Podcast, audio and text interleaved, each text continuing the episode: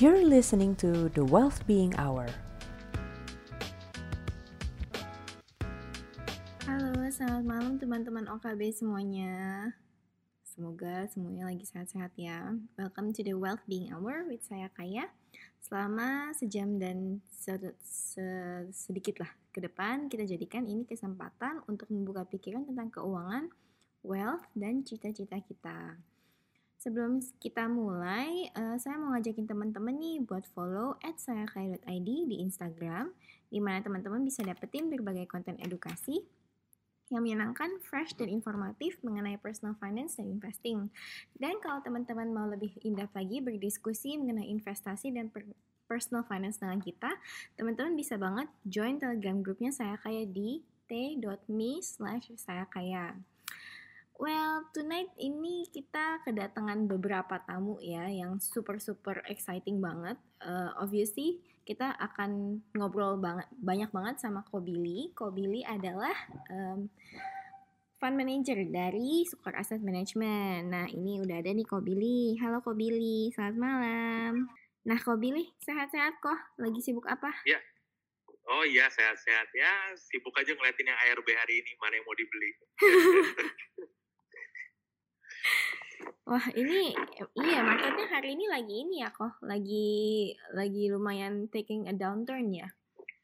Iya benar karena mau gimana pun juga kayaknya sejak tiga bulan terakhir kita harus akuin ya ISG ini ngikutin gerakan antam nih bisa dibilang jujur ngomong. Jadi meskipun market cap dia cuma satu persen ISG tapi gerakan dia apa itu apa ngarahin ISG ini mau ke mana gitu kalau dia naik ya semua pada euforia kalau Mm-mm. dia ARB kalau dia ARB nggak peduli lah misalnya harga timah naik harusnya tin naik ya kalau bapaknya ah, itu turun ya semuanya ikut turun juga kebanyakan kayak begitu Benar-benar. Dan ini eh, mungkin eh, beberapa teman-teman belum dengerin IG live kita waktu itu ya kok ya. Mungkin boleh diceritain nih kok kalau misalnya marketnya lagi merah nih biasa teman-teman suka aset ngapain nih di kantor? Oh teman-teman super aset dari dulu kita dari sejak tahun 2000 2017 berarti ya. Ah, itu Mm-mm. kita sih 2017 sih menghibur diri kita pakai PlayStation sih. Main bola aja udah di PS itu itu hiburan kita tiap market close. Jadi ya, jadi eh, waktu live kemarin Kobili itu sempat eh, cerita ke kita bahwa eh, teman-teman aset ini punya kebiasaan unik kalau market marketnya lagi merah, yaitu main PlayStation ya kok ya, biar nggak terlalu kepikiran market gitu ya. Iya, Pak market merah dianalisa dulu nih, mana yang bagus buat dibeli, mana yang harus di reduce atau apa ya ntar kalau market udah tutup udah jam 5 gitu ya barulah kita main. Nah, eh, by the way teman-teman nih kalau nanti yang mau tanya-tanya sama Kobili bisa langsung juga resign, nanti kita akan move up to the speakers line up. Nah, eh, Kobili aku pengen tanya-tanya nih, eh, mungkin kan banyak Iya, juga nih boleh. teman-teman yang nggak tahu nih dulu tuh ceritanya Kobili bisa masuk capital market tuh kayak gimana sih? Dan sedangkan kan banyak banget di sini yang ngidolain Kobili banyak banget yang nunggu-nunggu sesi ini. Boleh ceritain nggak kok kira-kira waktu itu tuh masuk capital market gimana caranya? Oh, eh, oke paling aku ini aja- ulangin lagi aja ya apa yang waktu itu aku cerita di IG live sama saya kaya. Ya dulu pertama kali sih berarti umur apa ya? Umur 10 ya pertama ya. Umur 10 tuh sebenarnya cita-citaku awalnya pengen jadi pemain eh, sepak bola sih waktu itu ya. Cuma waktu itu eh, karena eh, papi bilang yakin mau jadi pesepak bola di Indonesia gitu. Yakin kamu udah paling jago di sekolah sama segala macam.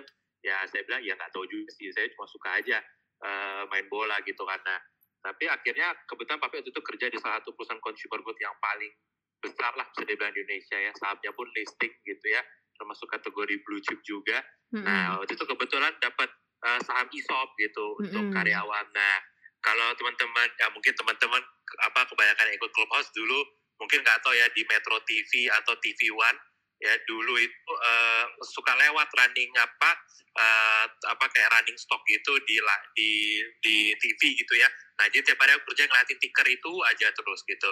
Nah, terus kalau ditanya kenapa mau-mau aja ngeliatin apa eh, ticker stock kayak gitu ya? Karena dulu sih ya papi bilang gitu ya kalau kamu bisa tebak kapan ini kapan ini naik apa angkanya kapan ini turun ya ntar papi belinya lah. Kalau kan si di anak-anak zaman dulu winning eleven ya kalau sepak bola. Nah jadi pertama belajar di situ. Nah jadi udah habis itu tahun 2010 ya berarti itu aku udah umur 18 berarti ya karena itu kan pertama umur 10 umur 18 itu join di salah satu sekuritas lokal uh, terus pindah ke salah satu sekuritas dari Malaysia itu tahun 2013 nah terakhir tahun 2015 itu bulan November ya aku itu ketemu sama uh, Koudi ya Mm-mm. uh, komisioner Sukor gitu di salah satu pelatihan uh, untuk CFA gitu. Nah kebetulan aku sama Koudi sebenarnya udah kenal dari tahun 2009 ya. Mm-mm. 2009 uh, pertama kali waktu itu ketemu sama Koudi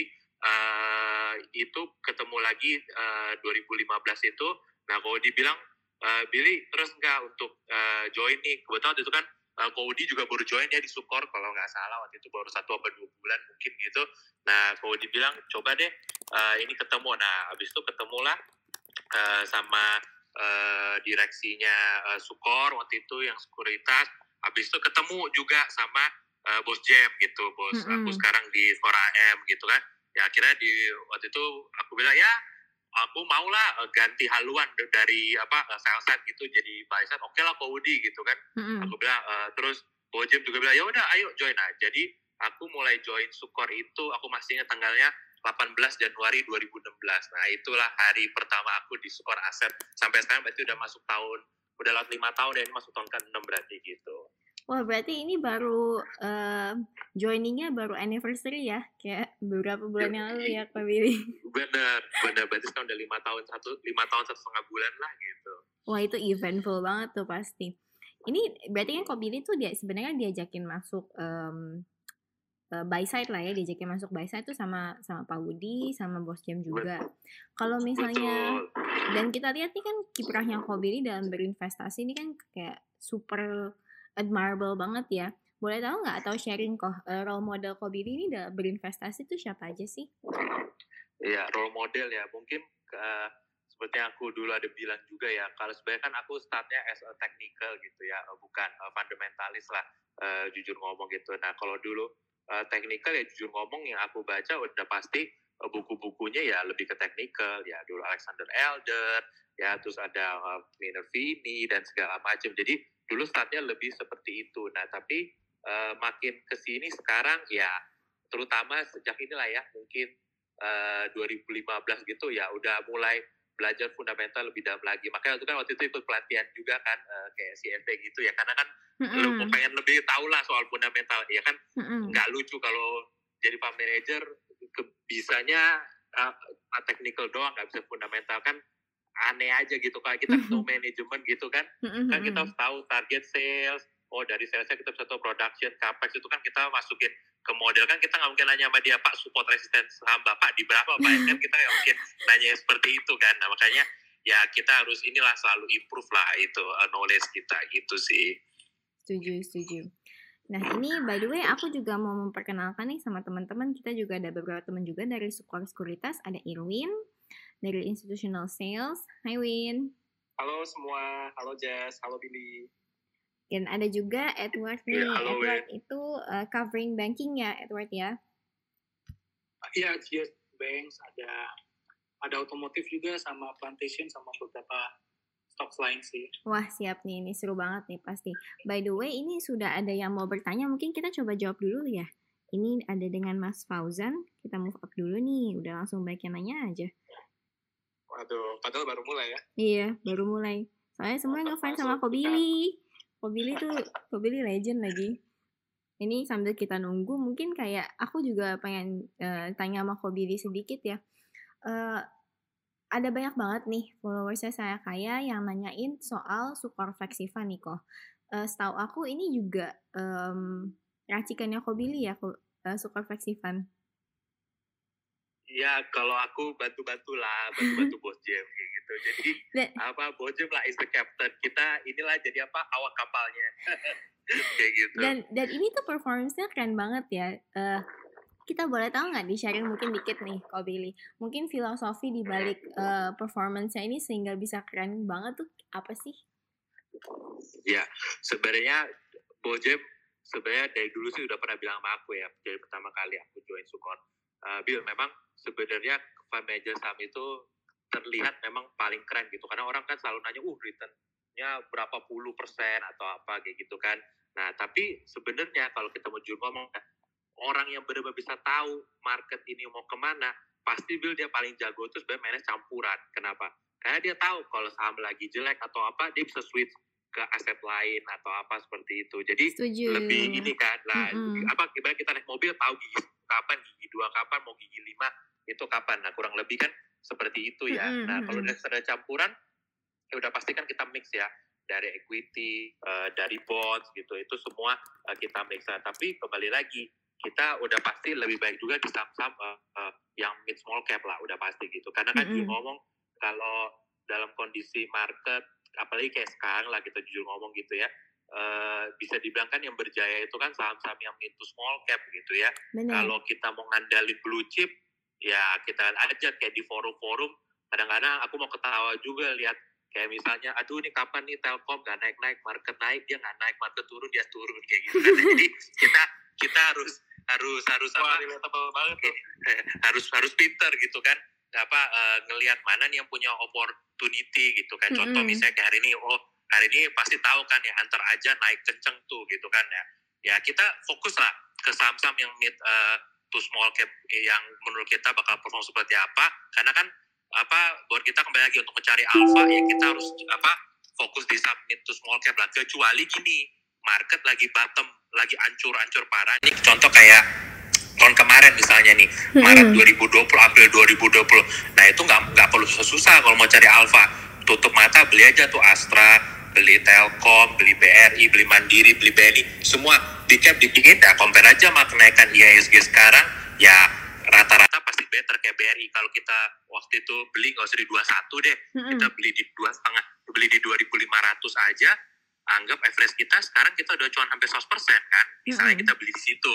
Kok IHSG dari 39 ke 63 itu cuma naik berarti sekitar 60 nah di situ kan udah dapat alpha kan ya. Jadi kita cari-cari alpha ya harus lihat juga kondisi eh, marketnya sih jadi kalau bisa dibilang fleksi tetap eh, kelebihannya paling utama bisa dibilang itu di saham-saham eh, medium small cap-nya sama juga bonds bondsnya bisa dibilang ya menarik lah eh, gitu yield-nya gitu Wah, menarik banget ini insight-nya. Kalau mungkin aku tanya sedikit melebar lagi ya dari pertanyaan yang eh, barusan. Kalau itu kan tadi flexi fund ya, uh, kau Billy. Kalau misalnya Sam Iya. secara general tuh investment filosofinya kayak apa? Oke, secara general ya sebenarnya kita kembali lagi ya seperti yang Bo Jim bilang bahwa kita adalah value investing. Tapi begini, kembali lagi value investing bukan berarti cari yang valuasinya murah doang gitu ya. Saya mau cari eh, mau cari saham finansial yang book value-nya di bawah satu kali, PI dua kali, tiga kali, ya itu ada juga kalau mau cari itu gitu kan. Pasti tahu lah, ada apa perusahaan finansial yang valuasinya murah gitu grup yang salah satu yang terkenal itu uh, murah banget valuasinya dulu tapi harganya nggak naik-naik kan. Nah, jadi kan kita nggak bisa cari value yang seperti itu.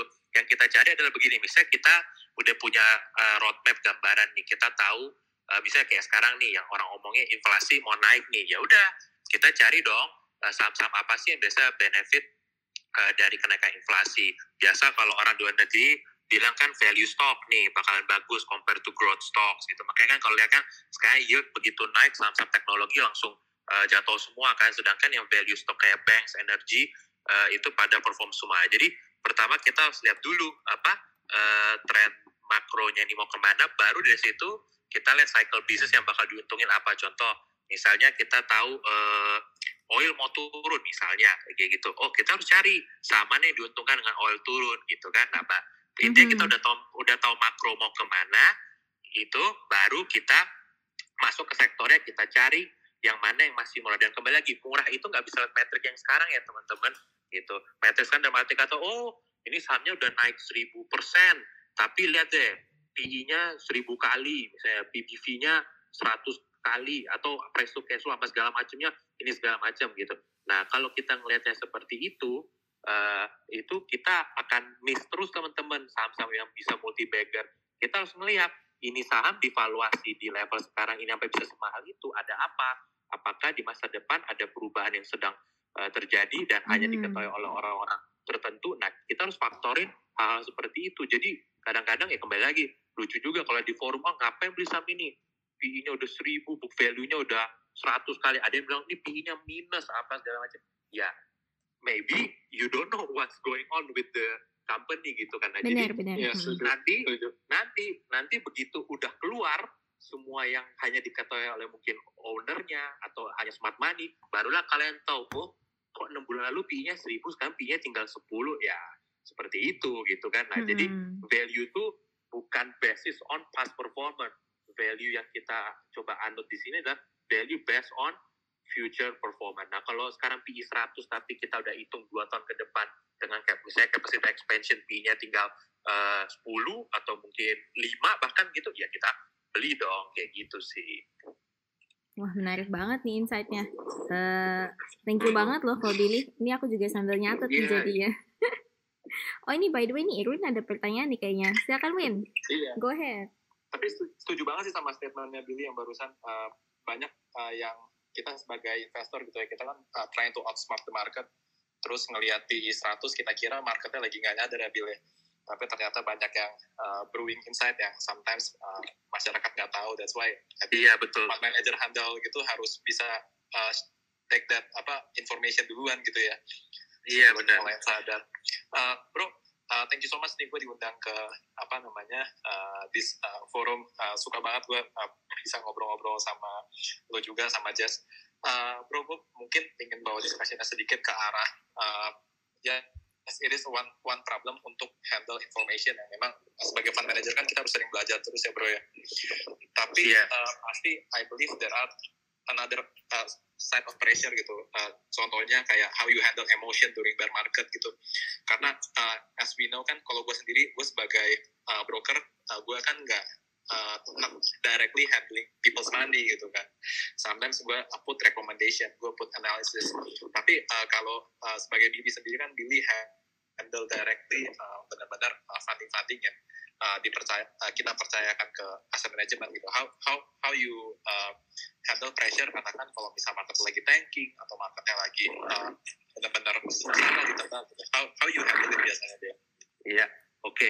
Paling eh, kenapa mungkin kalau gua gitu ya, eh, mungkin udah biasa lah market. Karena kembali lagi, jauh dulu sebelum gua jadi fund manager, sebelumnya gua analis. Nah, tetapi belum yang penting lagi adalah sebelum jadi analis dulu adalah trader gitu kan. Jadi seperti kayak dulu udah jadi trader, itu udah biasa tuh ngeliatin market kayak tahun 2008, 2005 itu semua zaman-zaman market yang in rough times itu gue udah ada di situ kan bro. Nah jadi gue udah ngeliatin oh gini tuh Hmm. rasanya apa beli saham gitu kan. Wah udah beli saham lihat do future malam gitu kan. Yes besok rebound ternyata besok dihajar lagi gitu kan.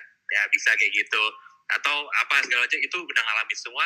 Habis itu moving jadi analis habis itu moving sekarang under post jam gitu ya jadi secara pengalaman emosional itu udah ada bro. Makanya mungkin kalau dilihat ya eh, beda gitu. Mungkin ya nggak tahu ya mungkin harus disurvei juga.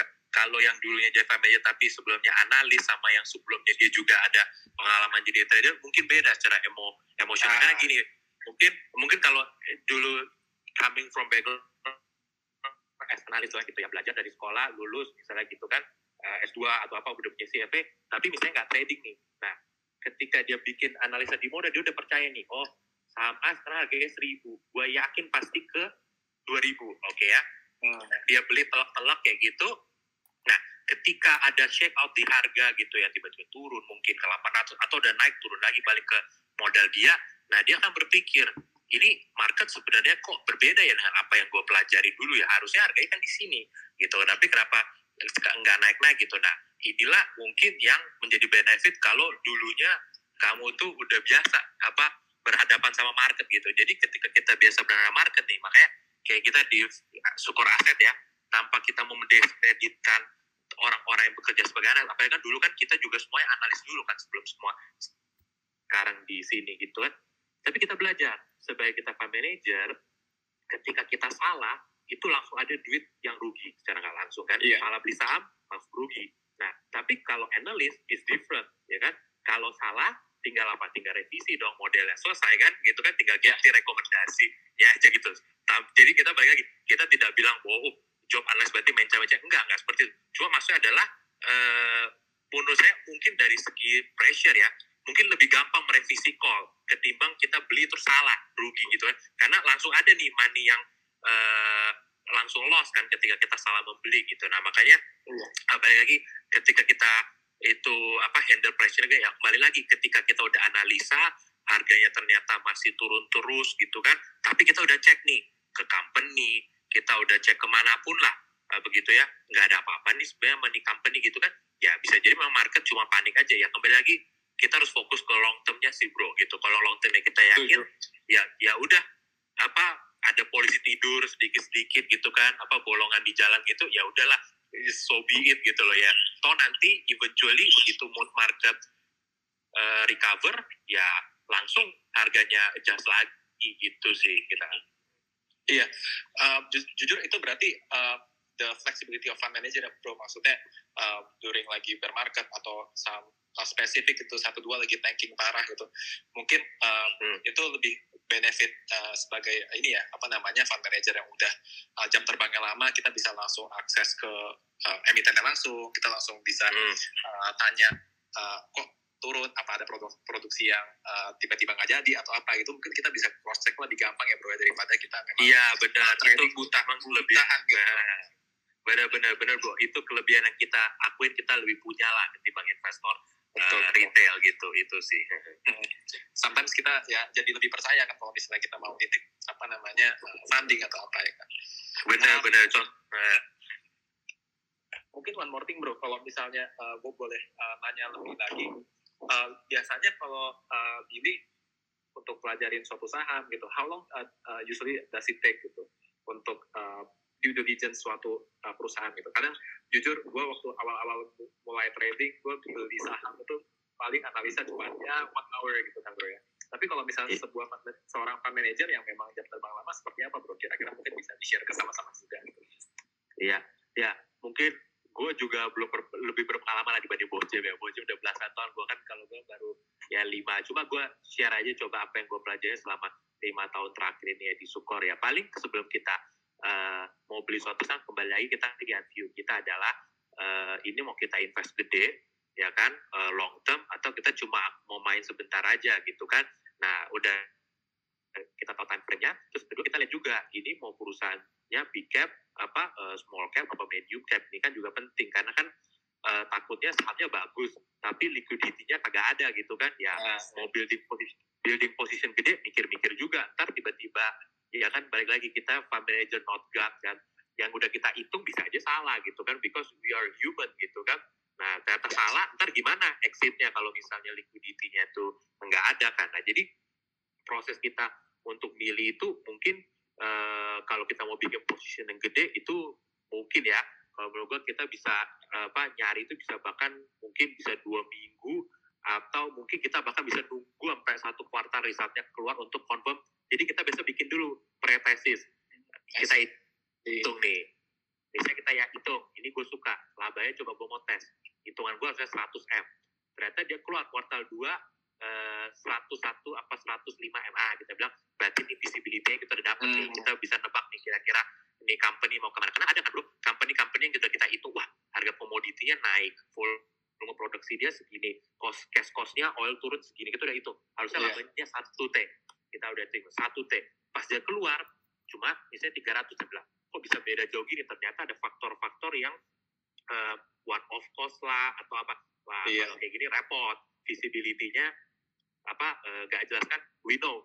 Adalah company-company yang begitu kayak udah dihitung harusnya segini pas keluar loh kok nggak nggak sesuai kan gitu. Jadi kadang-kadang ya buat kita sih ya antara dua minggu sampai satu kuartal lah kita kasih dia eh, bro waktu. Kayak ini misalnya banyak ya contoh nih Hmm. kayak hari ini yang apa eh, saham kurir itu yang naik kencang itu kan hari ini kan.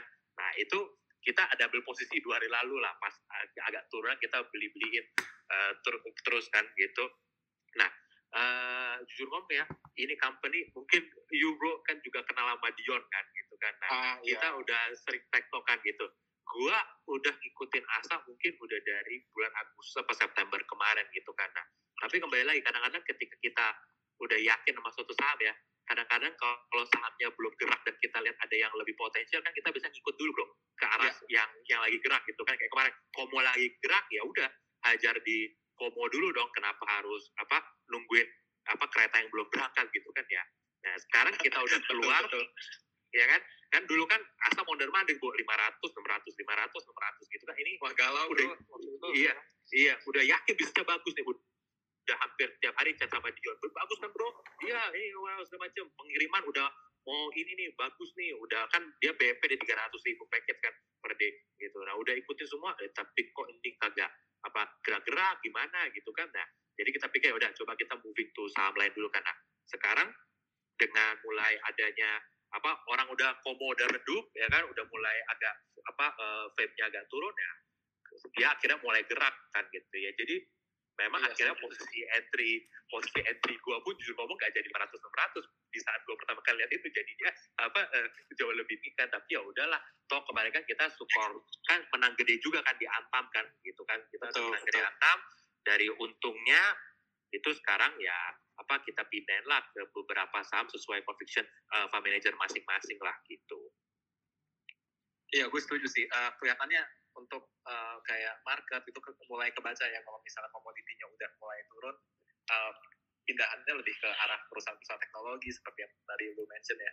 Iya Eh, benar. Tapi eh, kalau kalau gitu menurut eh, apa namanya dari pengalaman Billy sendiri, eh, kira-kira yang paling lama eh, analisa suatu saham tuh berapa lama sih? Pernah nggak kayak analisa bisa 6, 6 bulan atau even satu tahun gitu? Until you Oh. uh, really really put the the bet gitu. Oke, Eh, kalau analisa sampai A gini, biasa ada grup-grup tertentu menurut kita sebenarnya sahamnya bagus. Cuma ini grup-grupnya agak sedikit ya begitulah ya. ya. kalau udah nangkep, maksudnya agak begitulah.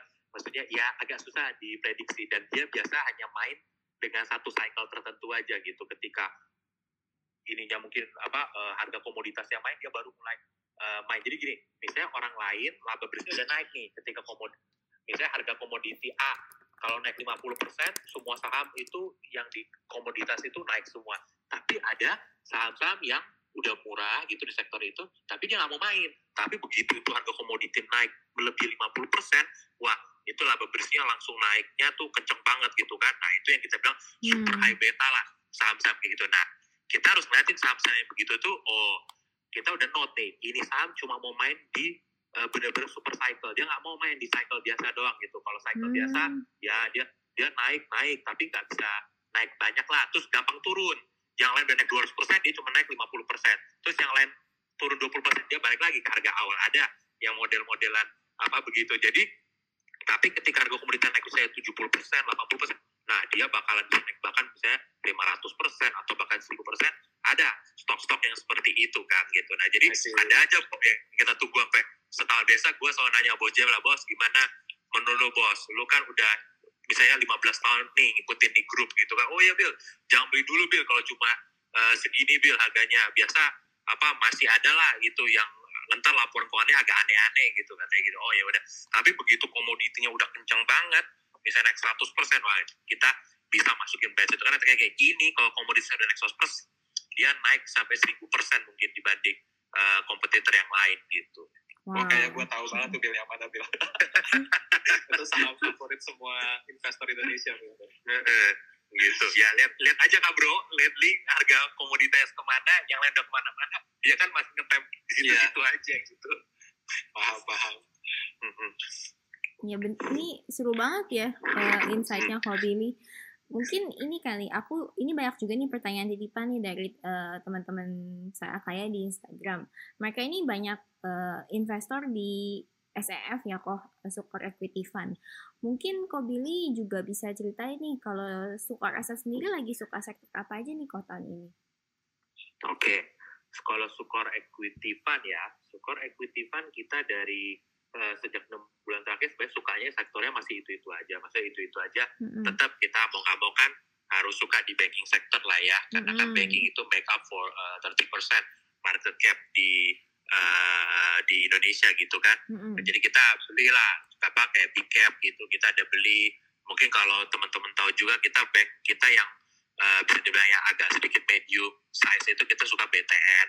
Nah kan BTN sekarang larinya udah lebih kenceng ya dibanding dibanding sama yang lain gitu kan. Nah, Bener, tapi kita juga tuh. ngeliat, ya, tapi kita juga ngeliatin uh, opportunity di uh, saham-saham yang lain kayak Mandiri, BNI gitu kan. Itu kita juga liatin apa ya kita apa ngeliatin kayak misalnya BNI kita liatin banget kenapa market capnya udah disalibris sama Arto gitu. Kita bilang wah ini BNI BNI 46 loh. Udah 4 udah udah dari tahun 46 gitu. Maksud kita ya valuasinya buat kita a bit undemanding lah gitu. Iya, jadi iya. buat kita ya harganya harusnya nggak segini gitu. Jadi apa itu kita juga suka terus juga kita ya suka sama eh, kayak Astra kita suka kita mungkin udah beli Astra udah ngumpulin dari bahkan sebelum ada berita PPNBM ya kita udah ngarep tuh pas berita PPN BM, PPN BM mobil keluar kita bilang yes besok naik 10 persen eh tahunya apa situ-situ aja gitu kan nah, jadi Mm-mm. ya gitulah teman-teman kadang-kadang kita juga sama lah kayak teman-teman punya harapan gitu yes besok naik hanya untuk dikecewakan oleh market ya itu bisa juga. Karena ya itu ada juga seperti itu gitu. Terus kita juga suka eh, eh, sama telkom itu itu kita juga suka sektor telekomunikasi. Ya sama kita adalah eh, beberapa eh, mid small cap yang mungkin eh, teman-teman udah sering lihat ya eh, di sheet kita gitu. Kayak misalnya contoh eh, Buyung Putra Sembada yang beras itu itu kita eh, suka karena story-nya misalnya sekarang kan eh, nah ini juga sama nih new story gitu kan selama ini main beras margin cuma let's say 45 persen nah mereka akan keluarin produk baru maybe end of this month or next month gitu kan Mm-mm. itu marginnya far higher than uh, rice gitu kan. Nah, jadi kalau nanti di blend, jadi kalau nanti blended, uh, ini kan bisa ngangkat marginnya kan gitu. Apalagi kita tahu perusahaan itu teman-teman yang marginnya 5% ke 10% misalnya net marginnya ya, itu jauh lebih powerful daripada perusahaan yang misalnya margin uh, misalnya 25 ke 35 ya dong gitu kan. Yes. 25 ke 35 kan 40 persen naiknya kan Mm-mm. yang 5 ke 10 ya itu kan berarti 100 persen kan secara langsung kan nah jadi ya itulah kita selalu ngamatin lah uh, story-story baru yang ada di uh, apa uh, universe kita itu kita uh, selalu ngeliatin sih gitu Dan ini juga aku lagi ngeliatin nih fun fact sheetnya Sukor eh, Equity Fund ya. Kok ini tuh kalau dilihat-lihat Sukor ini kan performance-nya meteorit banget ya. Kayak push gitu terbang. Ini Iya. and you guys are actually playing in the big big leagues lah now. Ini kalau kau beli sendiri dari apa namanya ya dari um, from all this experience yang uh, kau beli ada di Sukor, kau beli merasakan uh, betapa uh, meteoritnya ini naiknya Sukor. Kau beli mungkin bisa sharing uh, mungkin humbling experience atau pengalamannya tuh kayak gimana gitu. Me- Merasakan kenaikan yang luar biasa ini sampai dicintain semua orang loh produk-produknya Sukor kok. Iya, iya, iya. Ya, ini ya kebetulan memang pada saat aku apa eh, join itu ya, itu kan bisa dibilang eh, size kita masih kecil gitu ya. Uh, AUM-nya AUM equity fund waktu itu Mm-mm. tahun dua- tahun 2016 Januari pas aku join itu 30 miliar waktu itu ya. Sekarang Hmm. udah eh, main di T gitu ya. Mm-mm. lima tahun eh, gitu ya. Jadi kita udah ngerasain lah dulu gitu ya. Dari pertama beli saham enak banget zaman dulu ya. Beli saham untuk bikin 5% di fund aja cukup HK satu tik dapat gitu kan. Kalau sekarang mau hak mau HK satu mau HK untuk bikin satu persen aja di fund, waduh itu kita bisa makan 4-5 lantai misalnya di small cap. Akhirnya kita yang naikin sendiri gitu kan. Sedangkan kita sebenarnya apa kan nggak mau beli dia langsung naik kan selama kita belum full kan eh, Mm-mm. gudangnya gitu kan itu satu yang eh, susah sama apalagi kalau jualan itu kan juga susah juga nah itulah tapi kalau mau dibilang humbling experience ya misalnya ya kita ada juga lah apa eh, mungkin investment thesis kita yang tidak play out sesuai skenario kita ada juga gitu beberapa. Contoh mungkin misalnya dulu nih kita cerita aja tahun 2000 berapa ya? Eh, 2018 kalau nggak saya apa 2017 aku lupa persisnya. Itu kita udah betting very uh, high di CPO gitu ya. Kita udah yakin nih CPO bakal apa udah naik gitu ya semua gitu kan. Ternyata harga sahamnya nggak gerak-gerak gitu kan. Udah naik turun lagi naik turun lagi. Buat Mm-mm. mandir situ aja gitu kan. Sampai kita juga gak stres ini maunya apa itu CPO udah naik terus gitu kan nggak naik-naik harga sahamnya lebih parahnya lagi akhirnya kan kita suka equity fund itu 60% harus LQ45 ya Hmm. itu dua perusahaan sawit paling gede itu ditendang lagi dari LQ45 lah kan itu kan jadi gawat kita kan kalau kayak gitu kan Iya, Iya, itu kan. iya benar-benar. jadi jadi buat kita udah ini porsi paling gede di fund kita itu dua kan gitu kan CPO yang paling gede itu udah dua paling besar mungkin bobotnya ada kali eh, mungkin 10 sampai 15 persen dari fund kita waktu itu kan. Ditendang pula dari LQ45 kan mau mau kita jadi bersihin kan. Untung waktu itu masih bisa keluar BEP gitu kan. Nah dari situ kita belajar apa karena kita ini di equity fund harus 60% LQ45 kita harus meskipun kita yakin sama tuh barang kita nggak boleh uh, double weighting dengan porsi yang terlalu besar. Makanya kayak sekarang nih ya kita yakin juga nih sama CPO gini kan. Mm -mm. to be, to be honest ini sektor yang bikin I think most fund manager frustrates ya frustrating sih benar-benar ya. Karena harga CPO-nya naik dia suka ngetem di situ aja gitu kan gitu ya. Jadi sebenarnya akhirnya I draw a conclusion gitu. Untuk main CPO itu sebenarnya timing paling pas tuh sebenarnya kapan sih? Cuma ada dua timing paling pas. Either it's a commodity super cycle atau kedua saat market saham tiba- tiba-tiba anjur turun. Nah somehow ya itu sektor CPO bisa dibilang termasuk sektor yang paling cepat uh, recovery-nya karena kenapa biasanya nih ya kalau market mulai turun, IHSG mulai turun, rupiah mulai melemah, our government bakal muncul di media apa support di biodiesel gitu kan. Nah, akhirnya saham CPO uh, uh, recovery-nya biasa lebih cepat gitu daripada uh, sektor lainnya Ya, gitu. ya. Jadi akhirnya kita tangkap ya kayaknya ada dua sektor eh, dua timing yang paling pas untuk main CPO tuh di situ gitu. Tapi kayak sekarang kita yakin nggak masih ya buat kita dengan kita percaya juga nih komoditi super cycle dan inflation tip ini bakal play ya kita ada taruh di CPO. Tapi kita udah belajar nih dibanding kesalahan kita tahun 2017 2018 kemarin udah nggak lagi double weighting gitu. Nah kalau teman-teman lihat di Funpest kita udah cuma pilih satu LSIP kita udah belajar juga nggak kayak dulu double weighting gitu. Nah jadi kita adalah pelajaran seperti itu ada gitu. Ini Kobiri ngomongin CPO pas banget nih Edward eh, cover CPO. Actually mungkin kita tanya juga ya Edward, bro, menurut lu pandangan lu soal sektor CPO gimana nih? Mungkin bisa enlighten us all juga. eh sebelum gue ngasih insight lah ya, uh, gue relate banget tadi sama yang uh, Bro Billy ngomongin kayak CPU itu unpredictable banget. Uh, uh, at least berapa tahun, I think gue awal-awal cover CPU itu ya, kayaknya udah 5-6 tahun lalu deh. Nah dari awal itu sampai sekarang, I never get it right. Kayaknya banyak, banyak analis di market juga kayak agak susah nebak gitu. Iya, tenang aja bro, even Dora Pistri salah bro, prediksi harga Iya. CPO. Iya iya. Every year mereka kan ada Nah, itu itu dan, dan somehow every year mereka they always get it wrong. Terus ya ya ya I think kalau insight ya um, ke depannya sih harusnya harusnya lebih gampang diprediksi karena um, actually CPO ini uh, gampang banget untuk kita uh, konsumsi di domestik lah ya. Um, kayak dengan adanya levy yang baru di announce bulan Desember lalu, I think itu um, program biodiesel di Indonesia itu udah gampang banget untuk menjalani. Kalau sebelumnya kan kita masih kekurangan dana tuh di BPD, BPDP di CPO Fund.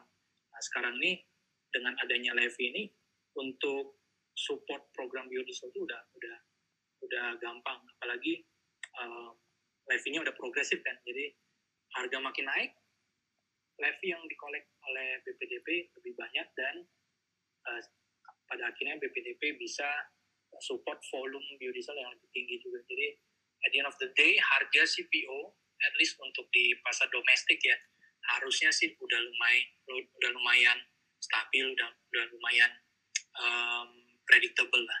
Nah menariknya adalah uh, CPO ini kan dalam beberapa tahun terakhir banyak isu ESG banyak um, apa ya mostly yang uh, ESG related dan I think banyak fund-fund uh, luar ya uh, kayaknya mereka udah lumayan neglect sama uh, CPO dan I think kalau prospeknya memang depannya uh, sangat-sangat um, apa predictable ya I think bukan nggak bukan nggak apa tidak memungkinkan bahwa valuasi CPO ini bisa sama kayak consumer goods karena CPO ini kan at the end of the day ini consumption kan tiga per empat itu untuk untuk uh, food consumption so this is actually a, a, a- apa consumer company gitu Mm-mm. Mm-mm. Wah, thank you banget nih Bro Edward insight-nya. Eh, by the way teman-teman kalau ada yang mau nanya nih mumpung ada eh, mumpung ada Kobili, mumpung ada Irwin, mumpung- ada Edward nih please aja, please raise your hand nanti kita akan naikin ke speakers line up. Kok Tapi Ah, Iya. Jess, kalau gue boleh nambahin dikit nih, Jess. Boleh. gue mungkin salah satu orang uh, believernya analisa Edward nih. Soalnya gue dengar-dengar Edward ini pernah uh, usaha uh, farm oil juga ya, Ward ya. Jadi lu tahu persis rasanya jalanin uh, bisnis farm ya. Yep. ya itu sih. Jadi uh, memang ya CBO salah satu yang paling complicated uh, jujur. Tapi uh, this time around mungkin uh, kalau misalnya inflasinya mulai balik, perhaps it can be a good trade ya Bill ya kayak yang lu bilang mungkin uh, this, this time gonna be a different moment gitu untuk uh, saham-saham yang dulunya banyak yang nggak suka gitu. pernah Iya, dengar bro. mungkin nasihat dari fund manager kita jangan pernah terlalu benci sama suatu sektor atau suatu stock gitu Iya, Jadi iya, bisa benar. Ya. Benar, apalagi kalau sekarang mungkin yang gue perhatiin beda itu ini kali ya bro, apa soy oil. Kalau dulu setiap CP O'Reilly, soy oil itu males naik. Akhirnya kan eh, price difference-nya kan nggak beda jauh. Nah kan kita tahu CPO ini kan eh, substitute-nya, bisa dibilang substitute-nya si soy oil lah. Kalau kayak kita aja teman-teman ke supermarket, minyak yang bagus, harganya apa yang sehat 100. Nah kalau minyak yang kolesterol harga 95, teman-teman beli yang mana? Ya, ya beli yang bagus aja dong sekalian. kan? Iya. Benar, Nah, benar, kayak benar. begitu. Nah, tapi kali ini soy oil itu gila-gila rally-nya gitu kan. Nah, so I hope this time around benar-benar kali ini uh, serius lah. Kita lama-lama apa agak ini juga ini CPO-nya bagus, dia cuma naik 3%, besok turun lagi 2%. Kita lihat layar sebelah, waduh, itu bang unyu-unyu semua arah-arah arah-arah gitu.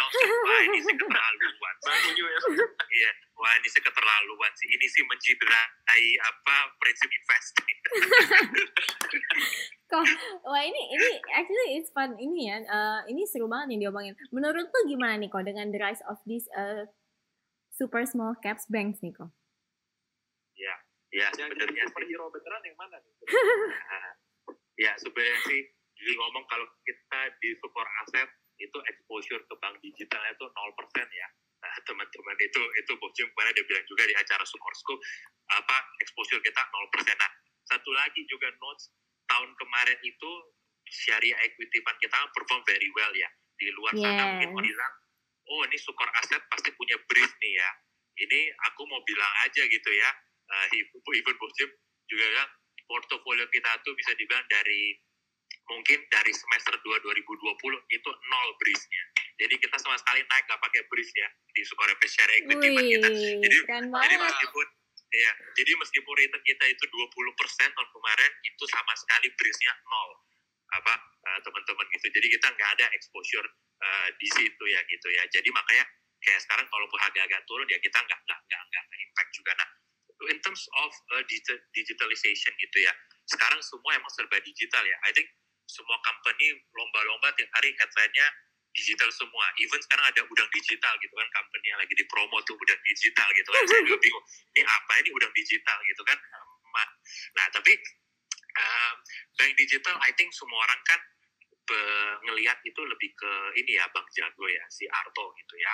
Memang sejak masuknya eh, itu investor eh, Jerry gitu ya, Jerry Ang ya apa orang kan melihat dulu dia sukses ya dengan geniusnya, makanya orang percaya ini dengan apa eh, ma- dengan Jerry ya ini Bang Jago bisa perform apalagi ada Gojek juga kan yang udah own the shares di sana. Nah sekarang tapi kami juga ngomong untuk menjadi apa eh, the next Arto bank-bank kecil ini harus punya partner yang pas dulu gitu loh. Nah misalnya kayak sekarang kan Leli rumor ada yang mau sama Shopee lah, ada yang mau sama Grab lah dan segala macam.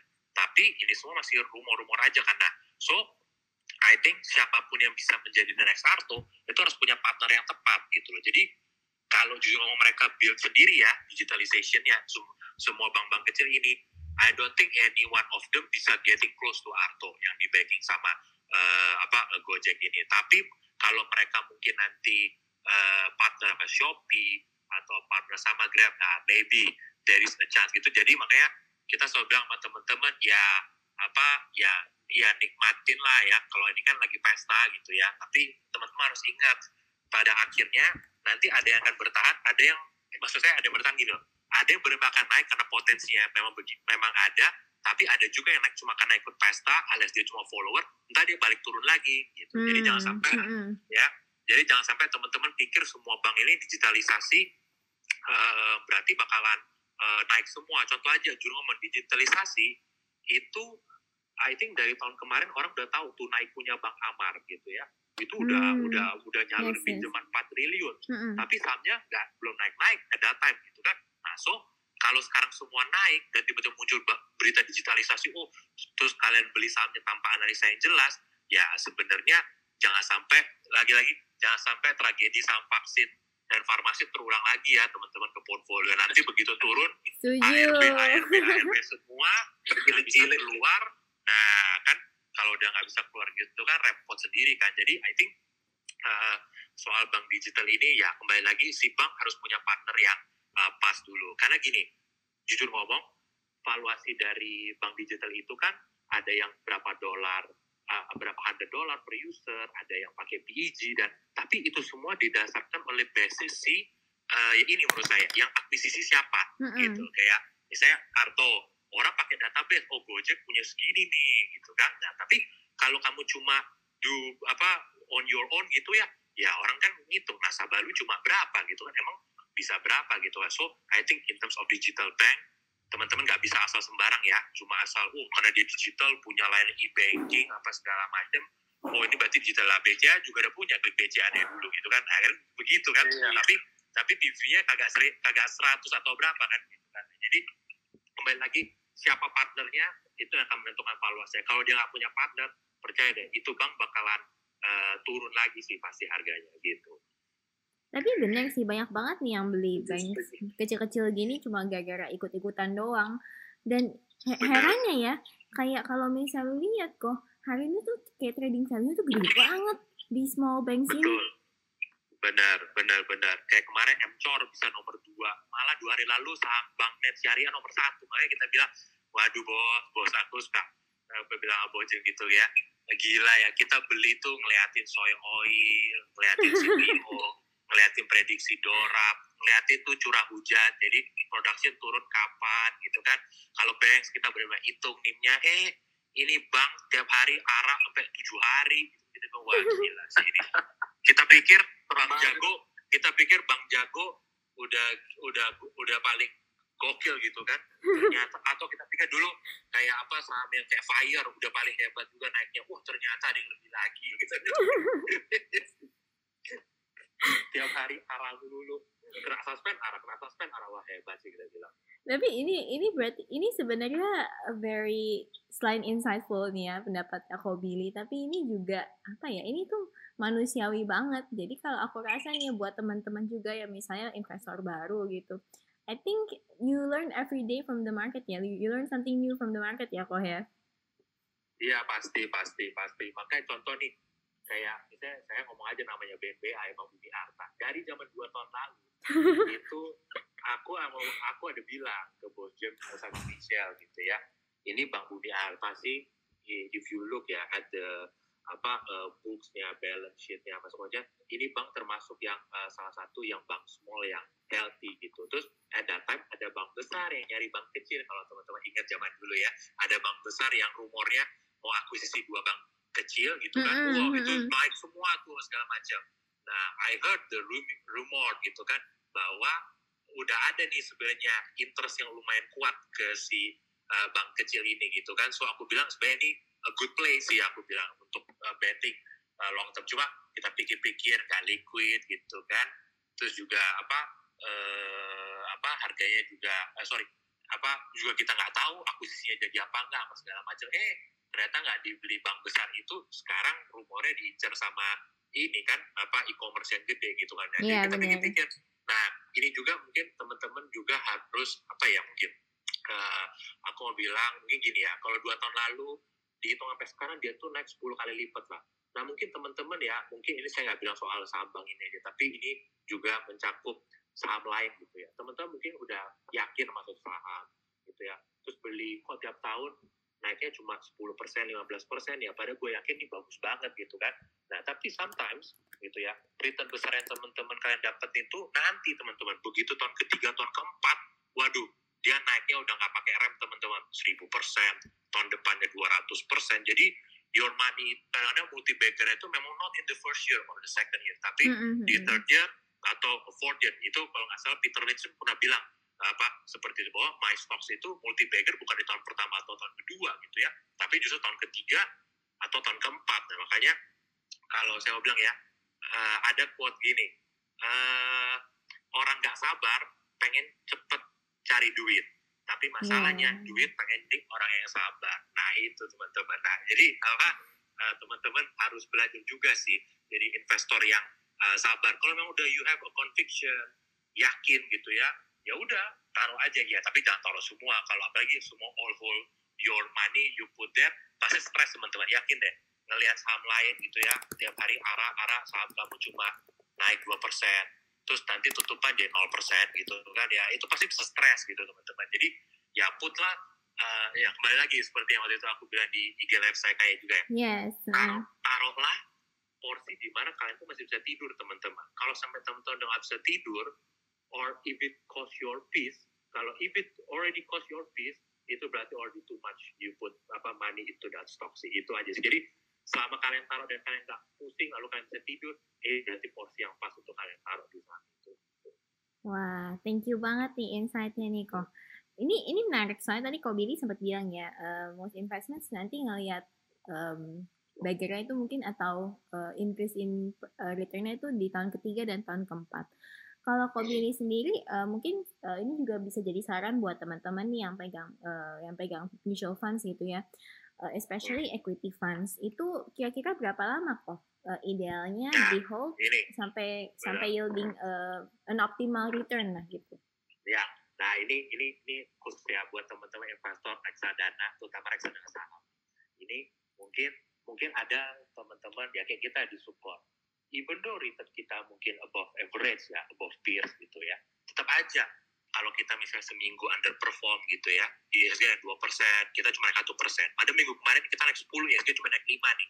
Tetap ada kayak nanya, kenapa nih fundnya kok eh, turun? Malah kadang-kadang bisa nanya, ini fund manajernya masih sama nggak sih gitu atau segala macam gitu ya. Nah, apa eh, nah teman-teman harus belajar bahwa gini, investasi di reksadana saham itu harus jangka panjang karena bagaimanapun kan memang itu seharusnya ya eh, jangka panjang. Nah, saling saya mau kasih tahu ini, Peter Lynch itu pernah bilang gitu ya. eh, Peter Lynch kan fund manager yang bilang salah satu yang legend lah ya, eh, skalanya global lagi gitu kan. Dia pernah bilang, saya itu selama 30 tahun terakhir, saya rata-rata fund saya berapa? 29 persen gitu ya. Mhm, mhm. Tapi tapi saya hitung semua akun nasabah saya. Jadi semua nasabah yang pernah beli fund dia, dia hitung nih semua nih. Mhm. Returnnya berapa sih yang didapat gitu kan? Returnnya cuma ada 7%. Nah, lalu ditanya dong, kok bisa? Fund kamu returnnya 29%, tapi nasabah cuma punya dapat 7%. Mhm. Karena dia itu dijawab, because most of the investor left me when I'm in bad performance, mhm, mhm, mhm. but they will they will buy my fund again when I'm in a good performance. Nah, jadi Ah, FOMO, iya iya iya. jadi pas bagus FOMO, pas panik gitu kan. Akhirnya si fund manager udah kerja keras ngasih 29 persen, dia misalnya bojem nih, lima tahun terakhir udah kerja ngasilin berapa persen, mungkin ada yang dapat nggak segitu. Kenapa? Ya mungkin ketika market turun cepet-cepet panik jual gitu kan. Terus pas marketnya rebound, ah nggak mau beli dulu, ah nggak mau beli dulu, ah nanti eh kayak sekarang nih nanti ISG nembus 6.500 baru semua subscribe apa eh, reksadana saham semua nah kalau caranya begitu ya teman-teman pasti kejedot terus gitu kan beli pas harga mahal dan jual pas harga murah ya akhirnya ya sama jadi menurut saya kebiasaan investor di seluruh negara kayaknya mirip ya gitu even Iya, Peter iya. Lynch bilang Mhm. ah, apa eh, seperti itu bahwa ya bayangin aja saya ngasih 29 yang dia mereka dapat cuma 7 itu 22 lari ke mana ya lari ke kepanikan dan keserakahannya si investor itu gitu Wah, ini insightful banget nih. Jadi memang ya kalau misalnya kita invest eh, di sorry invest di reksadana saham, memang kita harus ngetilnya tuh kayak kita lagi beli saham aja ya kok ya. Jangan sampai Iya, kita beli di harga awal, harga atas, terus nanti jualnya pas lagi turun gitu. Jadi memang teman-teman harus memiliki em, ketahanan lah buat megang eh, mutual fund ini dalam jangka waktu yang panjang gitu. Mm-mm, benar benar benar banget gitu. Jadi ya kan kayak kita kita juga seneng lah teman-teman gitu kalau semua partner kita tuh investor jangka panjang. Karena kenapa? Kayak kita nih teman-teman udah beli saham kita yakin kita udah susun nih portfolionya. Ini small cap segini segini.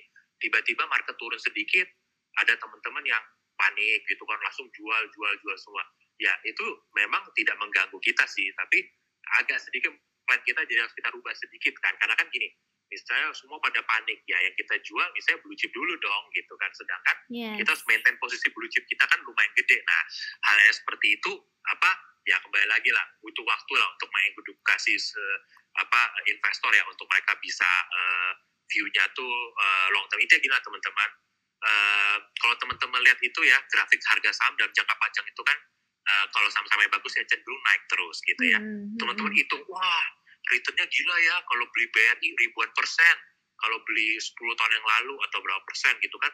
Tapi coba teman-teman saham seminggu nggak naik aja teman-teman udah ngedumel sendiri gitu kan. Before before ini kenapa saham gua nggak naik? apa segala macam gitu kan. Ya kalau mindsetnya begitu gitu ya ya susah gitu. Lihat itu saham bisa naik sampai ribuan per enam itu ya itu reward untuk orang-orang yang hold gitu kan kalau Benar. kalian lihat hampir setiap tahun tuh selalu ada drawdown di saham itu turun 10 persen, 20 persen. It's a normal thing gitu kan. Benar. Nah, justru pada saat dia turun, ya kayak kita selalu nyaranin reksadana malah. kita, you do dollar averaging cost dong. Pas turun, Mm-mm. beli lagi. Jadi apa? Modal rata-rata kalian itu makin bagus, eh, lotnya juga dapat jadi makin baik. Jadi begitu itu benar-benar naik, kalian tuh benar-benar dapat potensi gainnya tuh maksimal gitu loh. Jadi ya makanya kita bilang kadang-kadang ya suka lucu aja gitu lihat orang wah kalau dulu beli saham ini gila ya cuma beli blue chip aja bisa untung segini ya. Tapi begitu dua minggu misalnya reksadana atau ISG lagi ini aja aduh nih kenapa nih keluar dulu nggak ya capek deh kalau kayak begitu kalau apa dua minggu kayak sekarang nih satu bulan terakhir kan market tengah Januari sampai sekarang kan eh, bisa ya bilang ya choppy times lah ya gitu Iya, ya naik benar, turun benar. gitu kan malah jujur ngomong nih ISG udah balik 63 nih tapi kok saham-saham blue chip masih jauh semua di bawah pre-covid gitu kan Mm-mm, kayak sekarang mm-mm. ISG 63 itu udah sama loh dengan level pre-covid 6.300 pas bulan eh, Januari Februari 2020 kemarin gitu kan. Tapi teman-teman bisa spot opportunity di sini. Itu banyak loh berarti apa eh, blue chip blue chip yang murah gitu kan. Nah, tapi kembali lagi kan blue chip blue chip yang murah ini kan mungkin kembali lagi buat teman-teman yang masih baru blue chip yang murah bukan berarti harus dibeli semua kan. Nah itulah kenapa kayak kita misalnya ya apa thanks buat teman-teman yang percaya ke kita gitu kan di Sukor Aset ya kan beli. Nah nanti kita yang pilihin gitu blue chipnya tuh eh, apa yang menurut kita benar-benar masih murah. Jangan sampai teman-teman masuk ke blue chip memang statusnya blue chip tapi sebenarnya kinerja dia ini lagi nggak bakal bagus nih tahun ada juga gitu kan. Seperti itu kayak tahun ini sektor consumer dari satu setengah tahun ini kan dibit terus sama market turun ke bawah terus gitu kan. Nah, ini. Malam-malam, Ci Jessi. Ya, halo. Nah, ini eh, sorry nih Ko Billy. Kita ada dua dua orang yang mau bertanya. Kita jawabin dulu ya, Ko. oh ya oke Terima kasih. Silakan. Iya, eh, selamat malam. Eh, ya Saya- malam ya, nggak tahu, eh, udah ngikutin dari tadi ya. Cuma memang saya ada concern beberapa waktu yang lalu, mungkin sekitar seminggu atau dua minggu lebih, itu terkait dengan sukor eh, money fund ya, Eh, apa money market ya, Eh, yang tidak boleh ada pemberitahuan. Kebetulan saya punya, jadi mau nambah mau masuk masih belum bisa atau bagaimana ya? oh ya oke oke ya Ah, oke ah, yang itu yang Pak. saya tanyakan. Oke, Makasih. nah, ini lah. Ini, ini langsung jawab aja apa lang pertanyaan kedua dulu nih? Di eh, langsung juga nggak apa-apa atau kita mau na- Oh iya, nanya eh, pertanyaan keduanya juga nih dari Pak iya boleh deh. Pertanyaan, ya pertanyaan kedua dulu aja deh, nggak apa-apa. Pak Lukman. Halo Pak Lukman. Halo, Cies. Halo, Kobeli. Ya halo. Aku mau mau nanya ini sih. Kebetulan aku juga sudah ngikutin Sukor udah udah lama ya. Eh, cuma one thing yang yang eh, aku selalu mau eh, cari tahu itu di Sukor eh, yang di caps-nya itu kan ada di equity. eh, Sukor equity.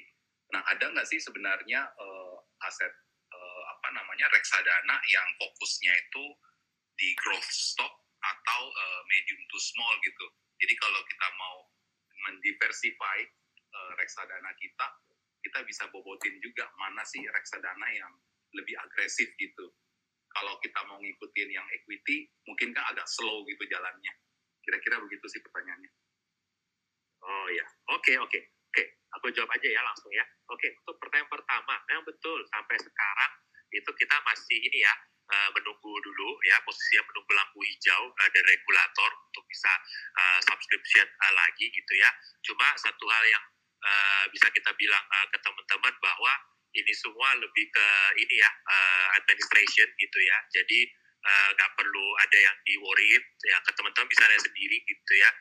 Kalau Bos Jem bilang ya lihat aja tuh return Sukor Invest Money Market Fund masih hijau apa tiap hari dan apa uh, kita juga menyediakan produk yang lain ya teman-teman gitu ya. Kalau lihat sekarang itu uh, Bojem juga lagi ini ya uh, lumayan high conviction gitu ya di Sukor Investable Fund gitu ya. Nah, jadi kita ngarahin teman-teman itu biasanya untuk switch either ke syariah money market atau ke stable fund sih gitu. Jadi uh, itu apa nanti kita akan update lagi ya kalau sudah bisa uh, subscriptionnya lagi gitu. Oke, okay. untuk pertanyaan kedua ya um, itu koh, soal koh, ya. mungkin aku nambahin dikit.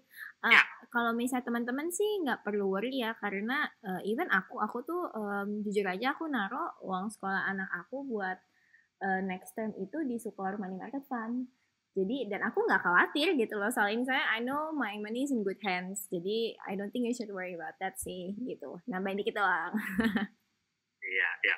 Oke, okay, thank you. Nah, ini mungkin pertanyaan kedua. Nah, kalau stock equity fund itu emang 60% di LQ45 ya. Nah, kalau mau cari yang growth stock, itu sebenarnya Bojem selalu bilang itu sebenarnya maxi fund atau share equity fund gitu ya. Cuma dari dulu Bojem sebenarnya selalu bilang uh, apa uh, sama kita gitu ya. Sebenarnya saham-saham small medium cap yang kita high conviction tuh biasa kita taruh uh, gede itu ya udah pasti di maxi atau syariah ya apalagi syariah syariah itu bobot satu saham itu bisa sampai 20 persen jadi kalau di reksadana saham biasa kan 10 persen ya per saham nah kalau syariah yes. itu bisa bisa sampai 20 persen gitu hmm. jadi cuma kan balik lagi ke pentok ya karena syariah jadi kan nggak bisa terlalu uh, kadang-kadang ada small medium cap yang bagus tapi kan kepentok soal syariah jadi kan nggak bisa karena itulah biasa di Maxi lebih banyak uh, variannya sih gitu sih cuma beginilah uh, ya mungkin kalau teman-teman yang udah lama ngikutin Sukor pasti bisa ngeliatin deh lima tahun terakhir uh, return Sukor Invest Equity Fund uh, Syariah Equity Fund dan juga Maxi itu bisa dibilang mirip-mirip. Uh, teman-teman hampir setiap tahun ya itu bisa mirip-mirip. Kecuali tahun kemarin aja ya tahun kemarin agak sedikit uh, bedanya lumayan gitu ya. Tapi biasanya dia mirip-mirip. Nah selama lima tahun terakhir juga kayaknya reksadana saham kita itu positif semua ya returnnya setiap tahun dari 2016 sampai 2020 jadi tiga produk ini positif semua. Nah kenapa kita uh, apa apa uh, reksadana kita tiga tiganya performa bisa dibilang uh, mirip-mirip ya teman-teman. Karena kan kembali lagi sebenarnya kan uh, strategi investasinya sama. Itu otak-otaknya sama gitu kan apa yang di dalam gitu. Cuma tinggal beda di bobot aja sama beda mungkin lebih ke kayak LQ45 hanya harus di SM yang dimaksikan nggak perlu. Nah hmm. kita pengen gini. Teman-teman mungkin perhatiin nggak sih ada kayak misalnya teman-teman mau apa beli reksadana. Teman-teman lihat nih reksadananya oh perusahaan ini kalau reksadana A B C D E semua reksadana saham nih. Tapi yang A return 15 persen yang B return satu persen yang C minus yang D plus eh, tujuh persen yang E plus lima. Nah teman-teman bingung kan kalau kayak gini itu saya beli yang mana dong?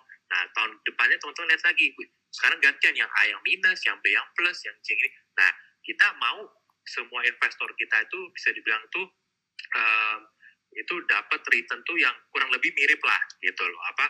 Jadi misalnya SCF 20 Maxi misalnya 25 eh, misalnya gitu ya. Syariah mungkin 22 gitu ya. Jadi tetap bagaimana ada perbedaan karena ada strategi investasi yang berbeda kan. Tapi kita mau semua investor kita tuh bisa milih reksadana kita tuh dengan tenang gitu oh saya beli saya nggak perlu takut nih.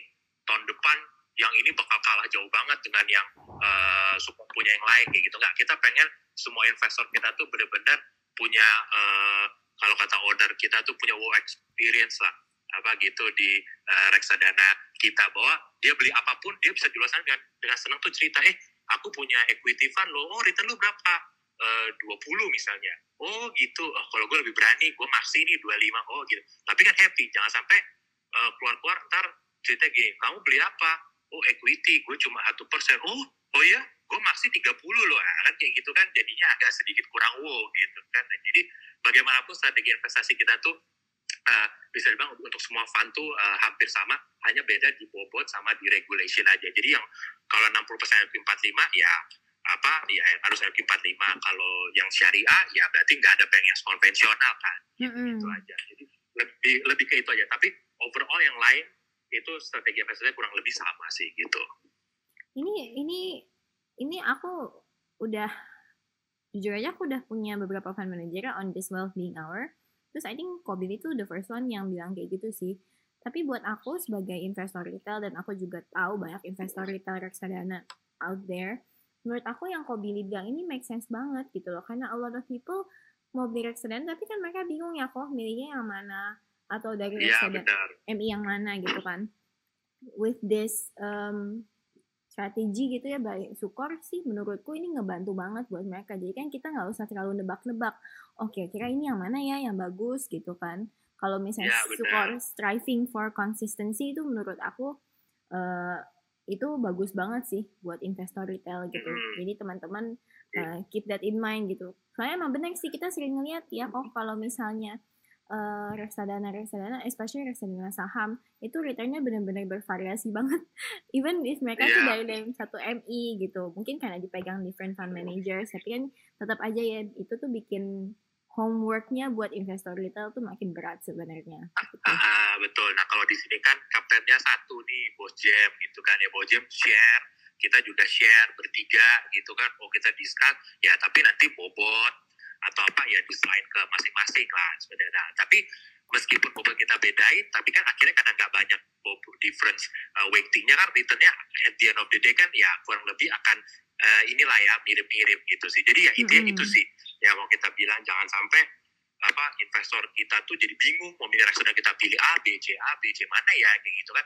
Nah kalau kayak gini kan ya teman-teman bisa cek sendiri lah dari dulu 2016 sampai sekarang hampir eh, setiap tahun return kita tiga produk yang equity kita tuh bisa dibilang itu yang nggak beda-beda jual kecuali tahun kemarin aja gitu ya. Karena antam kita kan gede tuh di syariah equity fund weightingnya gede banget ya. Akhirnya begitu antamnya naik gede ya impactnya ke fundnya itu jadi besar gitu. Tapi yang lain setahu saya nggak pernah beda sampai 5 sampai 10 persen deh. Jadi apa mirip-mirip lah gitu.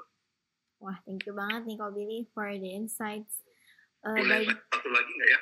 oh boleh. Silakan Pak Eh, kan kalau misalnya eh, market eh, sekarang kan suka sideways dan drop tiba-tiba. Nah kalau Ya. kalau Kobili itu gimana cara ngatur psikologisnya ya? I, I think pasti Kobili juga punya saham sendiri kan. Nah kalau kalau market drop gimana ya cara menjaga mentalnya itu? Oh saham saya drop, terus eh, ada pegang aset management juga gitu. Yang mana yang harus dipilih? Oh. Oh, baik lagi ya. Kita sebagai executive fund manager kita nggak boleh trade uh, apa on our personal name gitu ya, karena kita nggak boleh apa uh, conflict of interest gitu. Jadi kembali lagi kita justru pakai pengalaman kita dulu pada saat kita trading ya, sekarang kita atau apply sekarang di uh, asset management kita. Nah, kalau ditanya soal uh, mental gitu ya, ya kembali lagi. Aku mungkin pakai pengalaman aku sejak aku di market pertama kali baca tahun 2002 gitu ya sampai sekarang. Berarti hampir berapa hampir 19 tahun. Berarti ya aku ngikutin market. Udah pernah lah ngerasain semua jatuhnya. Pokoknya yang semua teman-teman lakuin selama ini pasti aku pernah lakuin. Contoh malam-malam ngeliatin dojo sampai jam 3 pagi. Hijau hijau hijau. Itu aku udah pernah gitu. Tahunya besok pagi market itu turun. ISG kita itu aku udah pernah. Beli saham lihat oil yes. Oil naik 5% pasti besok Medco terbang gitu. Pas lihat besok ah Medco cuma open itu langsung merah gitu. Itu pun pernah. Habis cut loss sahamnya naik itu pun. Itu lebih sering lagi gitu itu bukan pernah lagi itu sering gitu. Jadi semuanya itu udah pernah eh, aku apa eh, laluin semua kita. Cuma kembali lagi nah justru dengan pengalaman kita yang seperti itu kita jadi belajar bahwa semua apa karakter market tuh beda-beda gitu. Kayak ISG karakternya beda dengan Dow Jones semua sektor itu punya karakter yang beda.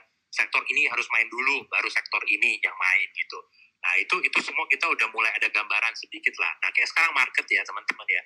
Market bisa dibilang satu setengah bulan ini bikin kita stres nggak?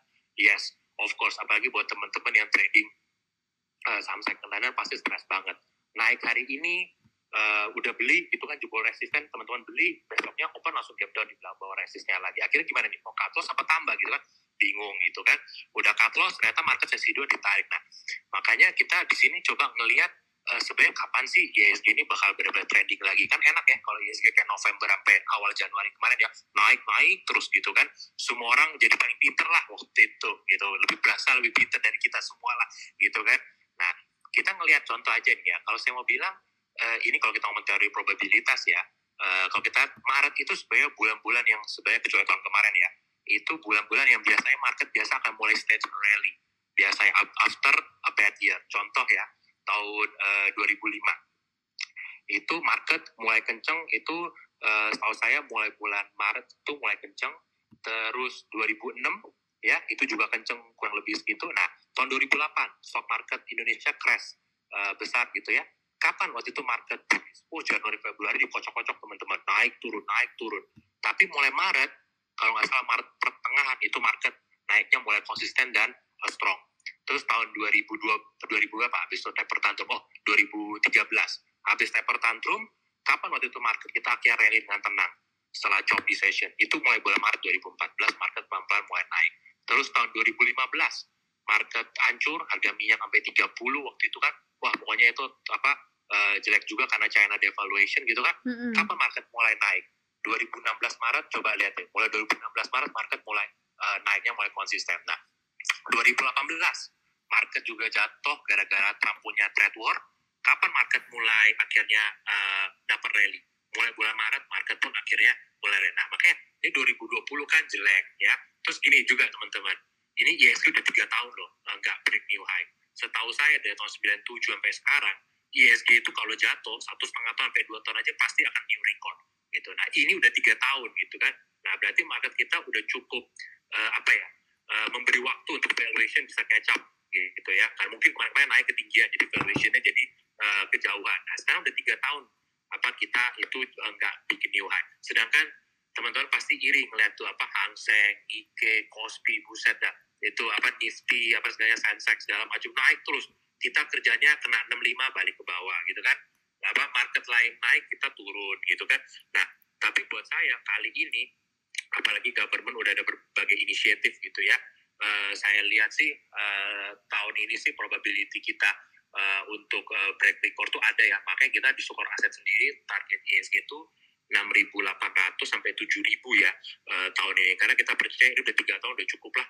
Apalagi regional udah naik. Dan gini dengan sekarang commodity price naik ya itu harusnya akan bagus sih uh, buat apa uh, stock market uh, Indonesia gitu. Karena kan kita Mhm. negara kita kan bagi besar is a commodity. Kalau kemarin-kemarin teknologi yang naik Nasdaq terus kalau komoditi harusnya itu ke negara kita yang bagus. Dan sekali lagi nggak perlu takut sama yield yang naik.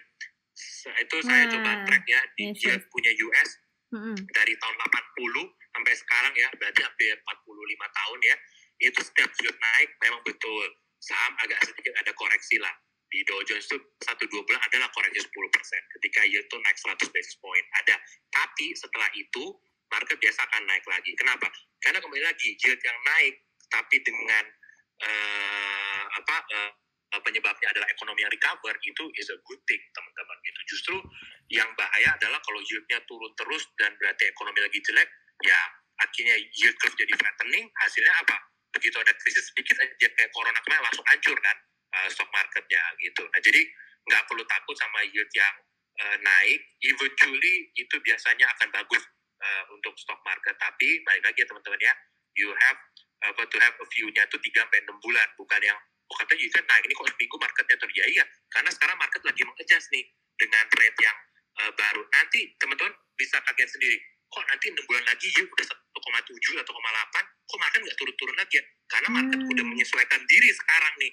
Market Ah, lagi iya, menyesuaikan iya, diri iya. sekarang nih. Ibaratnya kalau ada virus nah market lagi bikin antibody sekarang. Jadi ntar ketika dihajar virus lagi di tiga bulan lagi dia udah kuat dari sekarang gitu jadi nggak perlu takut Thank you for listening to the Wealth Being Hour by sayakaya.id.